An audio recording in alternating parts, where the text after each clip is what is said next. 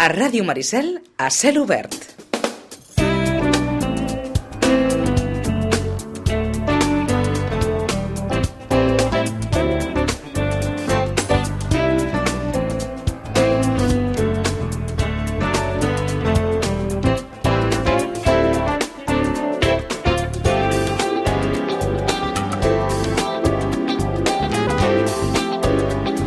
Qui més qui menys ja ho preveia. Mm, volta molt per Sitges Sergi Pàmies i el llibre de Sergi Pàmies és el capdavanter en les vendes de llibre de ficció en català, Cançons d'amor i de pluja. Recital d'emocions, així ho resumeix les pàgines de el suplement cultural de l'avantguàrdia recital d'emocions sobre la vulnerabilitat i els rituals més absurds de l'edat madura. És el llibre, com els dèiem, més venut en ficció en català, en ficció en castellà, i no sé si n'havíem parlat amb la Rosana o això ha estat una, una sorpresa perquè havíem comentat el Dispara jo ja estoy muerto de Julia Navarro, que està en segon lloc a la llista de vendes, però no sé si havíem parlat sobre la veritat sobre el cas Harry Quebert, que està en segon lloc en català, i en primer lloc en castellà. La verdad sobre el caso Harry Quebert de Joel Dicker. Troben el cadàver d'una jove de 15 anys al jardí d'un escriptor famós. No recordo que el, que el comentéssim, però són ja alguns dels llibres que s'han posicionat. Vam parlar del Canadà de Richard Ford, per exemple, o de les muntanyes hablaron, que són algunes també de les novetats que s'han posicionat ja ràpidament en el llistat dels llibres més venuts. Saludem Rosana Lluc. Rosana, bon dia i bona hora. Hola, molt bon dia.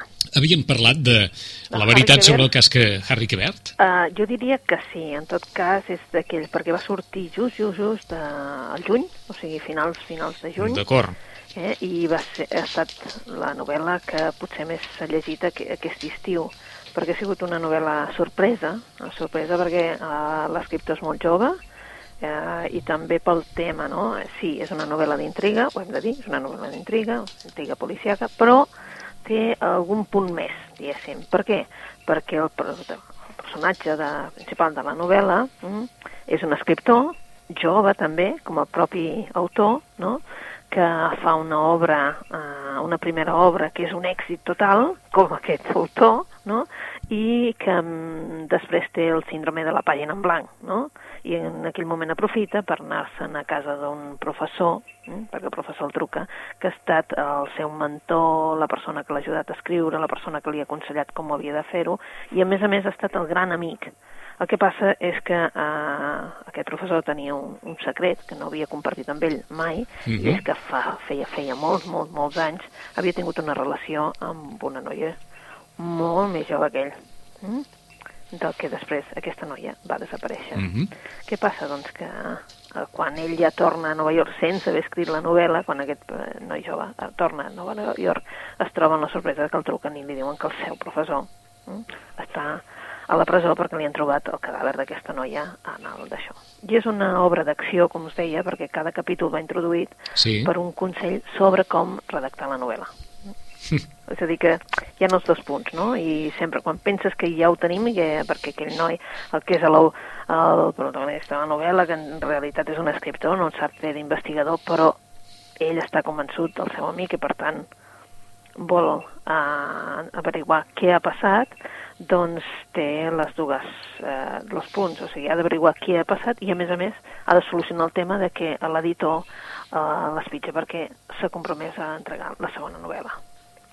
Una barrejada de les dues coses que Sí. et fa estar entretingut fins al final. Ah, doncs el llibre que ens havia comentat la Rosana i que, com els dèiem, està en, en primer lloc en la llista de ficció en castellà i en segon en la llista de, de ficció en català, la traducció en, en català.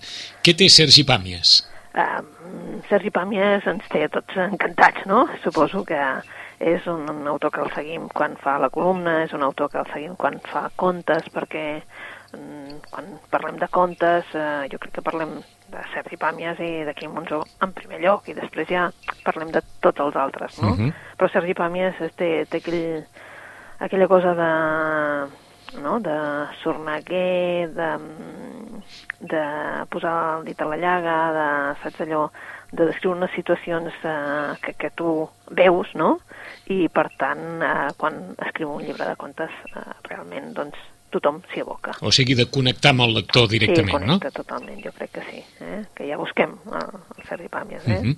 Era una novetat esperada i ha demostrat estar a l'alçada de l'expectativa creada. Sí, sí, sí, jo crec que sí. Eh? Vull dir, clar, eh, va ser allò una novetat esperada, una novetat que va sortir just a finals d'agost, allò per... Eh, saps? Vull dir que, que, i sense que ningú no sabés res, i llavors uh -huh. la premsa se'l va trobar sobre la taula... D'una no? forma molt discreta, no? Sí. D'una manera molt... Sí, d'una manera molt discreta, sí. Uh -huh.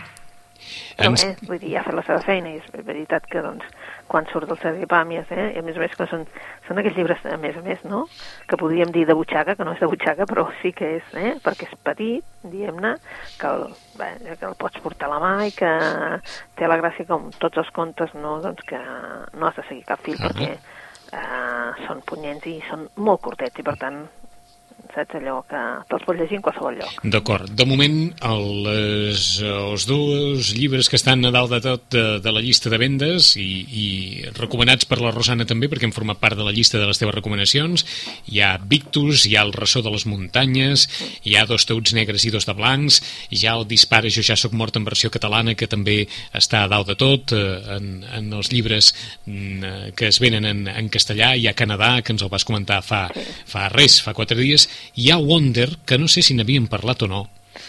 Sí, em sembla que bé, va ser el gran fenomen, si, no sé si ho recordes, per Sant Jordi. D'acord.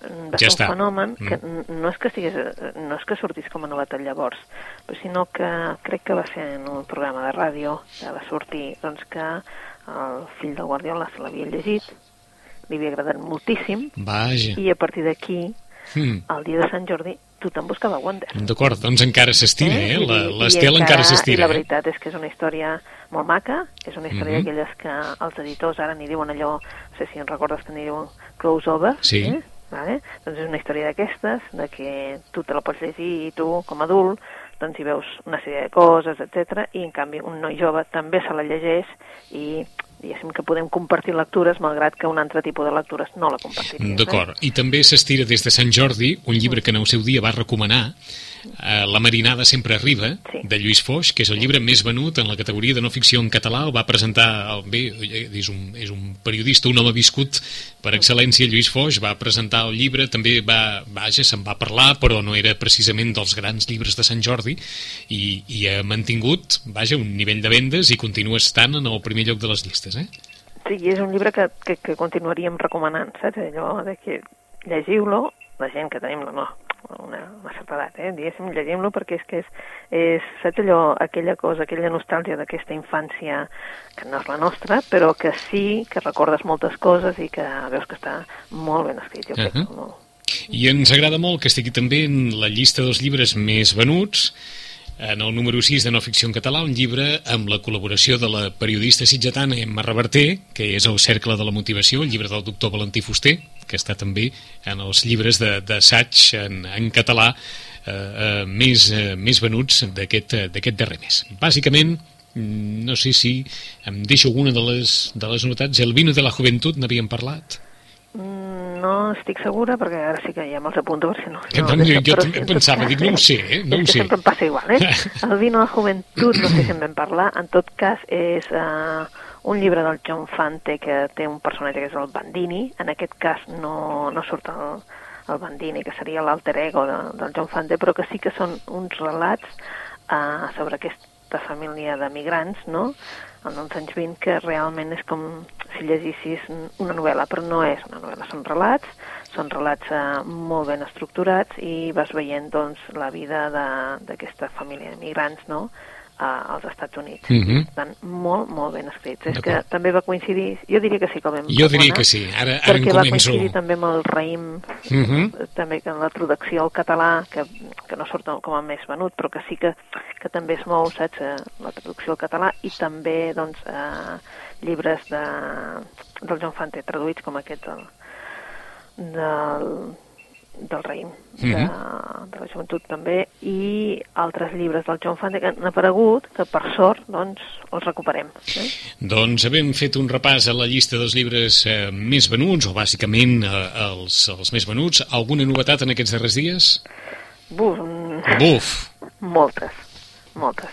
Ara estem mm, tenint aquella, no?, la, tota la pujada de novetats de, de cara a, a Nadal. Mm. Eh? Setembre i octubre és eh, escàndol la quantitat de novetats que arriben a sortir. I si passes el, allò, el garbell... Si que... passes una mica al garbell, Bé. doncs, bueno, encontres una... Bueno, cadascú, clar, troba el que... Està no? clar, Aquell troba- llibre que està buscant, no? Però, bueno, eh, en diem uns quants per a Doncs, públics diferents i així Mhm. cadascú, eh? per exemple, el que vulguis, per, Vinga, on, per on comencem per vulguis. una novel·la policiaca curteta eh, que, mm, doncs que, que parla, que és allò de la trilogia de la crisi, eh, que va Mhm. fer el Petros Markaris, eh, és sobre Grècia, sí, i sobre un personatge principal, que és el, el Costas Haritos. Eh? En aquest cas és Pa, Educació i Llibertat. Eh? Que està en la llista dels llibres més venuts, eh? Està? Bueno, doncs Mhm. uh -huh. m'alegro perquè sí que és veritat que ara ja, eh, així com el Petros Markaris va tenir una primera època fa molts anys que el va publicar Ediciones i no se'l mirava ningú, ara realment Tusquets ha aconseguit que sigui un autor que la gent el segueixi i que ja eh, Costas Jaritos formi Ahà. part també d'aquesta, no? De... Eh, és que, és clar, Rosana, Eh? eh, eh, síntesi del llibre, a les pàgines del suplement, Sí. llibres de l'avantguàrdia. Eh, clar, qui no el compra? Bé, qui no el compra. Eh, un contractista d'obres apareix assassinat en una Grècia en fallida galopant. Què tal? Què el sembla? Sí, sí, Eh? Eh, esclar, que- és, diguem, vaja, indiferent no pot quedar un no després de quedar, llegir això, eh? el primer resulta que el va escriure, eh, el va publicar i just el publica i passa tota la, Sí, tota, tota la saps? crisi Esclata grega, eh? la crisi de Grècia. I llavors van dir, bueno, aquest senyor què passa? Que és que era evident o què? Perquè no tenia temps d'escriure mentre passava, perquè va sortir just, eh, just allò, esclatar, saps? Vull dir que ja l'havia escrit. I llavors aquesta és el que en diem eh, el tercer títol d'aquesta trilogia de, de la crisi una novel·la de policiaca per passar-ho bé i mm, conèixer una mica més el Costas Jaritos, eh, aquest senyor que té eh, que viu una vida com a molt tranquil·la a nivell personal, eh, amb la seva senyora, amb, saps, allò, amb la filla, que ben casat, no, no, no és d'aquells que, saps, que Mhm. van a dormir les tantes que no es canvien de camisa, no, eh, ell té una vida com a molt correcta. Uh, és Grècia i és això, crisi, eh? Una Per- novel·la per, per, per distreure't una estona. D'acord. Per descomptat que el- el- l'element principal crida l'atenció. Pan, educació, libertat de Petros Márcaris. Sí, eh? vull dir que eh? l'eslògan de qualsevol eh? pancarta que tindríem aquí. Sí. Vinga. Uh, una autora nostra, una autora nostra en el sentit de que una autora que, que feia, feia temps ara que no publicava, potser 3 o 4 anys que vas publicar una novel·la, però ara sí que parla d'una diguéssim, una qüestió molt pròpia.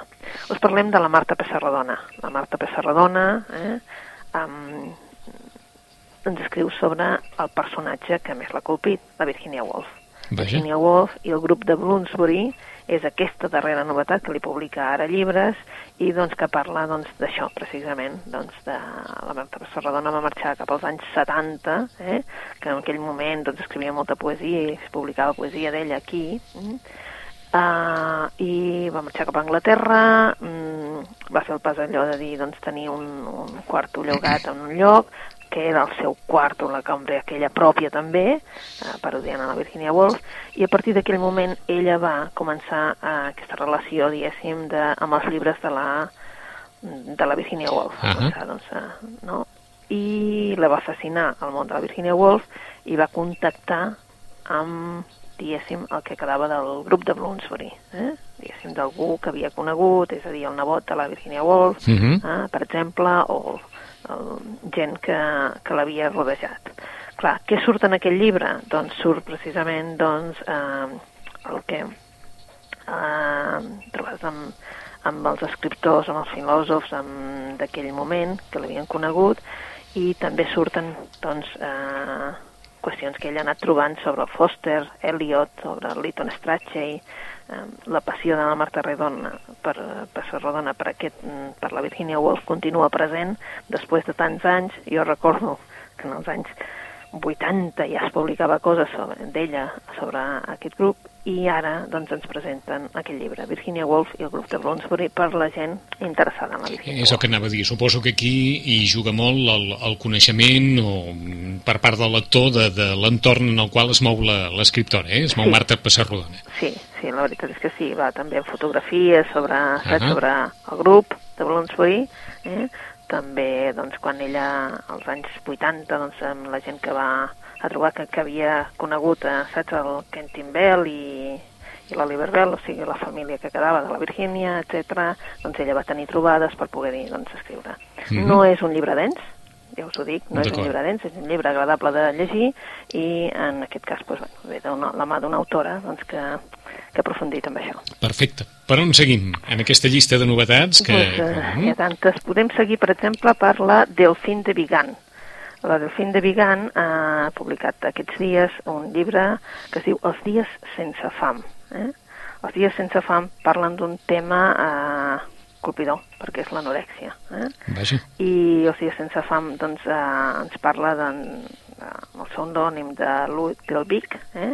la Delfín de Vigan, que segurament la recordem sobre aquell llibre de Res no suposa la nit, o, que també va parlar d'un altre tema, sempre parla de temes que amb ella doncs la colpeixen. Aquest En dies sense fam doncs és una primera novel·la autobiogràfica inspirada en la malaltia que va partir a l'adolescència, l'anorèxia. Uh -huh.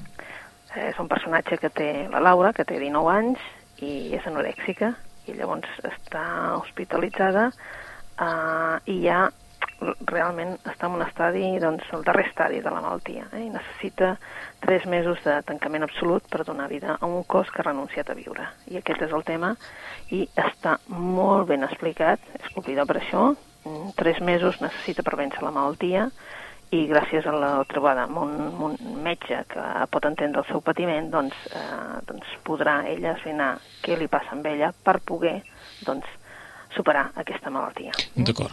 És un llibre diferent, eh? eh? pensem que és una novel·la, però el que sí que veus darrere és que, evidentment, doncs, ha patit la malaltia, perquè mm -hmm. si no seria impossible doncs, explicar-ho. Poder-ho relatar amb aquests Exacte, termes, no? d'aquesta manera. Eh? Doncs Delfín de Vigan, Els dies sense fam, una novel·la autobiogràfica a l'entorn de l'anorèxia. Per tant, també, ànimes sensibles, aneu en compte, a, a l'hora de, de cercar sí. determinats llibres que abordin temes d'una un, forma molt punyent, eh?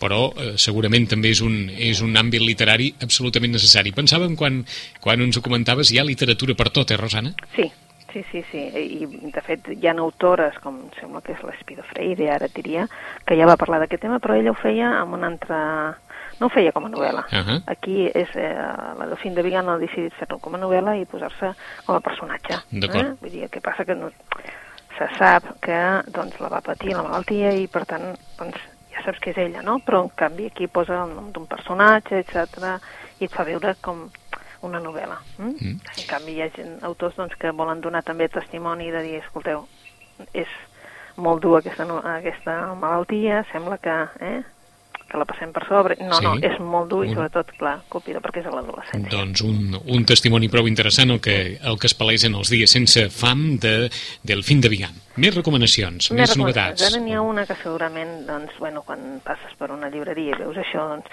t'has de parar, eh? t'has d'aturar, simplement t'has d'aturar, eh? perquè només es veu, doncs, eh, es veu, doncs, un tros de cabell negre, eh? Sí. Vale? I sense bigotet, però només, només veure el tros de cabell negre tu ja dius, carai, eh? tots sabem amb qui est estem parlant, eh? és a dir, de, de, qui, de qui, a qui et recorda, eh? Uh -huh. i diu, ha tornat. Eh? El publica en, es publica en català i en castellà, i Timo Werner és l'autor, i ens parla a l'estiu del 2011 que el Hitler, Adolf Hitler, desperta un descampat en el centre de Berlín. Eh?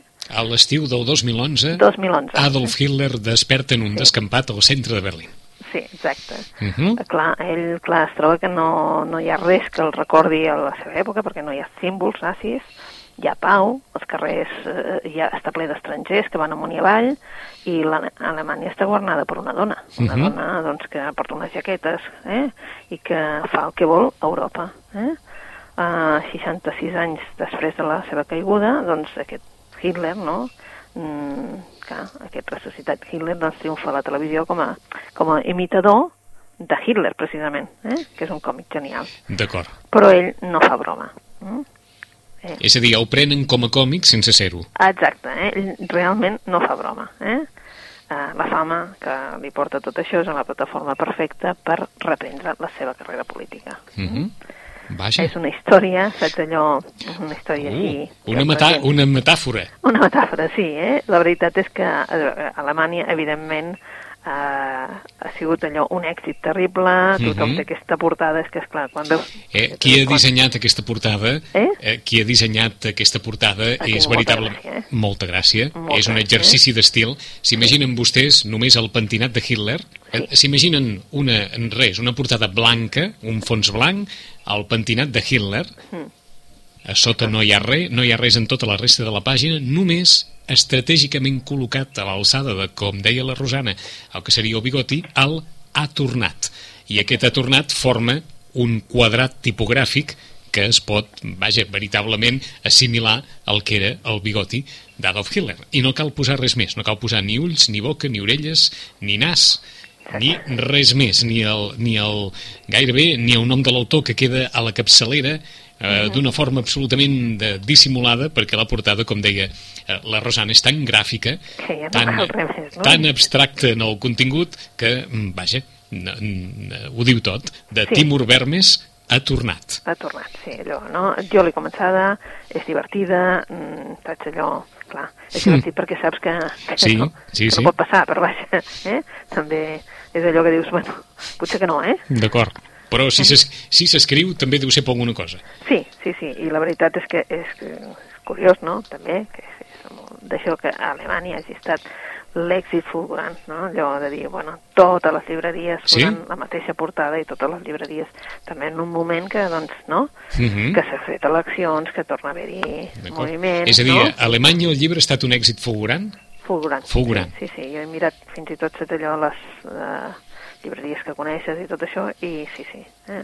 com a Mm. llibre vaja, molt recomanat. Eh? Doncs per descomptat que, que això és una... Deia la Rosana, si a les llibreries d'aquí aquesta portada ja pot cridar l'atenció, a les d'allà, eh, vaja, mm, eh, es poden imaginar vostès això, i ja no dic d'una forma tan abstracta, amb, vaja, amb, amb una efígie de, de, de Franco així que ocupés tota la portada d'un llibre, i que posés ha vuelto o ha tornat o alguna cosa així, ja en parlaríem què passaria. Segurament cridaria molt l'atenció, eh? però eh, ha tornat, ha vuelto de Timur Bernes, de moment, novetat editorial i, com deia la Rosana, un llibre d'aquells que des de l'humor fa pensar.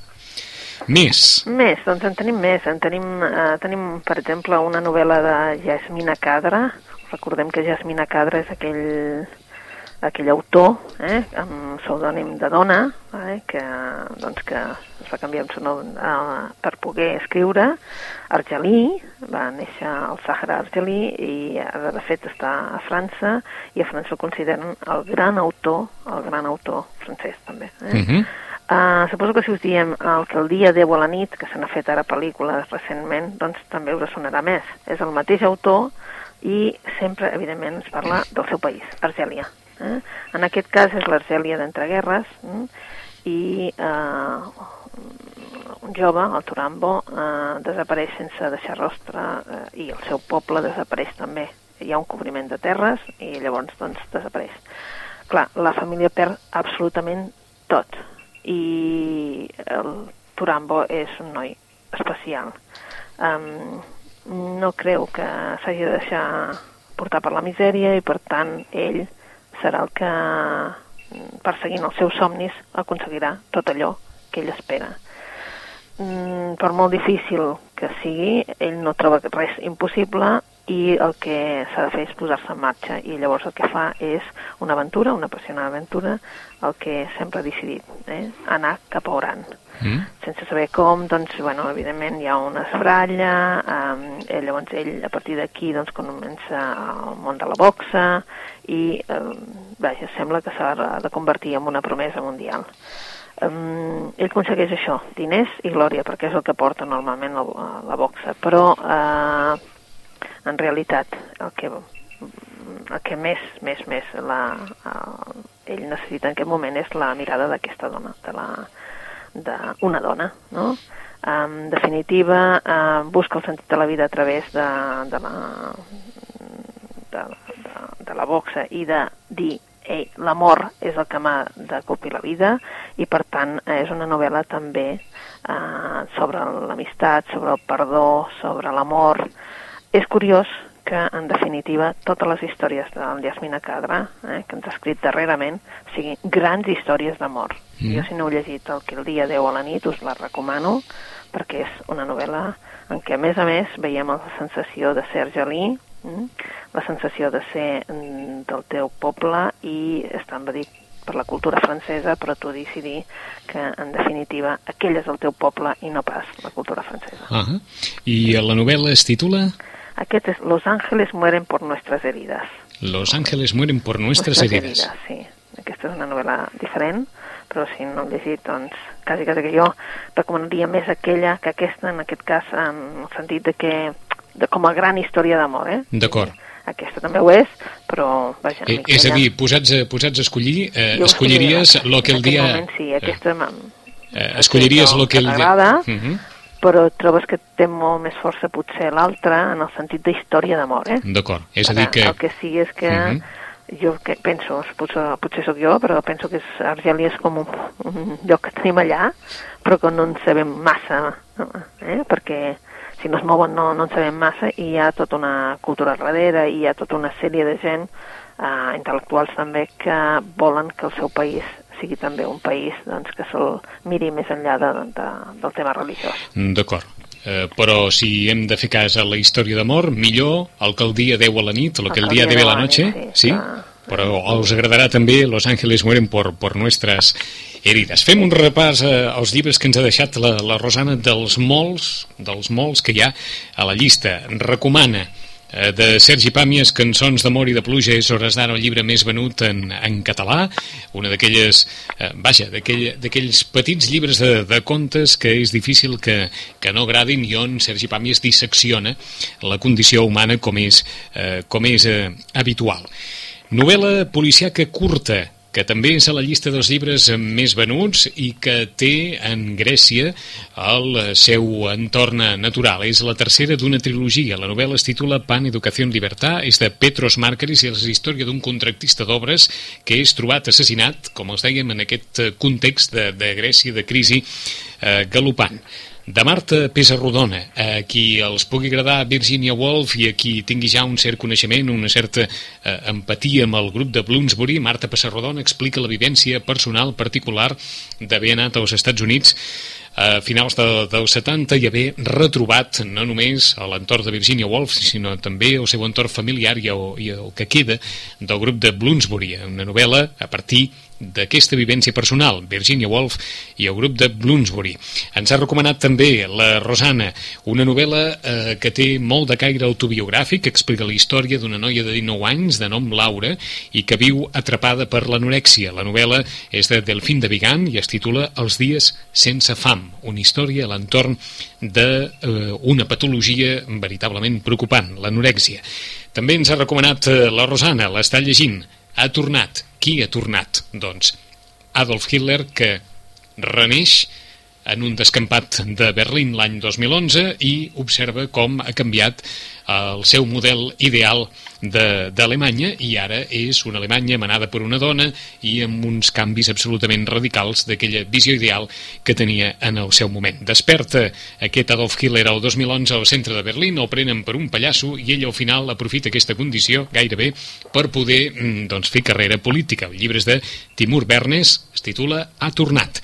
I hem acabat amb Yasmina Kadra, pseudònim de l'escriptor Mohamed Moussesujul o quelcom semblant, eh, un dels grans escriptors, un dels grans autors de la literatura francesa que presenta Los Ángeles mueren por nuestras heridas, la història d'un boxador que en el fons vol o persegueix eh, l'amor i persegueix una vida millor la Rosana també ens ha recomanat de Yasmina Cadra Lo que el dia debe a la noche, el que el dia deu a la nit en, en versió catalana que també es pot trobar. I en 15 dies eh, tornarem i no sé si li podem preguntar a la Rosana però si es desmarca molt dels, dels interessos perquè és una, és una qüestió molt específica. De Martí de Riquer es poden trobar eh, sí. coses a les sí, llibreries? Sí, sí, sí, sí, perquè la veritat és que Cantilado, eh, el Vallcorba, el Jaume Vallcorba, publicat eh, aquell llibre tan interessant, 15 generacions d'una família catalana, per exemple. Es poden trobar diversos llibres d'ell a la llibreria sempre. Eh, D'acord. És, és allò, saps? Allò... Uh -huh. un, un senyor per tenir molt en compte. D'acord. Perquè, eh?